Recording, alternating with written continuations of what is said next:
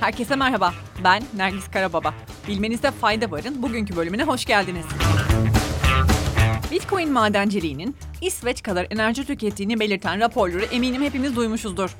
Giderek artan popülaritesiyle ABD'de fosil yakıt kaynaklarının yeniden canlanmasına sebep olduğu dahi söyleniyor Bitcoin için.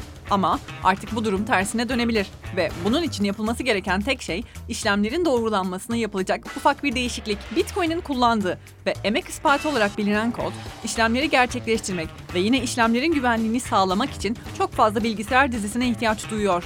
Bitcoin'in rakibi olan Ethereum ise hisse ispatı olarak bilinen yeni bir metoda geçiyor ve bu sayede kullanılan enerjinin %99 azalılabileceğini düşünüyorlar. İklimi değil, kodu değiştir isimli kampanya ise Bitcoin'in de bunu yapması gerektiğini veyahut da enerji tüketimini azaltacak başka bir yöntem bulması gerektiğini savunuyor.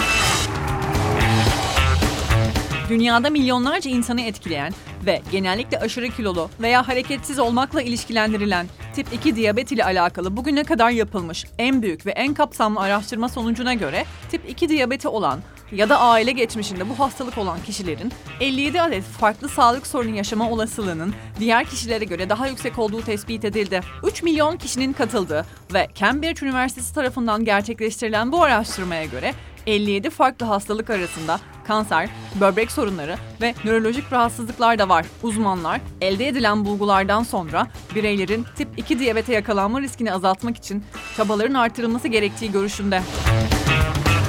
Dünya Sağlık Örgütü uzun dönem gürültü kirliliğine maruz kaldıkları için yalnızca Avrupa Birliği'nde her yıl yaklaşık 12 bin kişinin erken öldüğünü söylüyor. Şimdi bu durumu biraz da olsa azaltmak mümkün. İsrail menşeli bir teknoloji firması kulaklıklarda kullanılan aktif gürültü önleme sistemini kulaklıklar olmadan da kullanabilmemize olanak sağlayan bir teknoloji geliştirdi.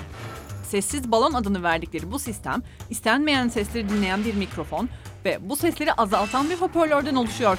Bu sayede çocuklarınız arabanın arka koltuğunda kavga ederken ya da çizgi film seyrederken siz ön koltukta bu gürültüye eskisi kadar maruz kalmayacaksınız. McDonald's'ın Almanya'nın en yeşil kasabası olan Tübingen'ı dava ettiğini biliyor muydunuz? Hem de paket yiyeceklerin kutusu yüzünden. Tübingen, Stuttgart yakınlarında 2. Dünya Savaşı'nı neredeyse hiç hasar almadan atlatmış 90 bin nüfuslu bir üniversite kasabası. Burada yaşayan insanların çok büyük bir kısmı ya vejetaryen ya da vegan.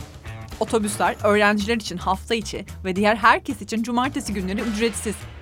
Bölge yönetiminde neredeyse 40 senedir çevre dostu yaklaşımlarıyla bilinen insanlar var ve yine bu insanlar geçtiğimiz Şubat ayında çıkardıkları bir yasa yüzünden McDonald's ile ters düşmüş durumda. Yasaya göre ister sürdürülebilir materyallerden, ister geri dönüşüm materyallerinden yapılmış olsun tek kullanımlık olan her şey vergiye tabi tutulacak.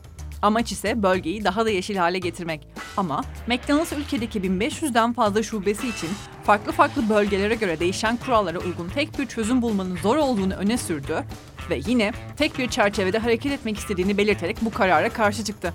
Bakalım dava nasıl sonuçlanacak?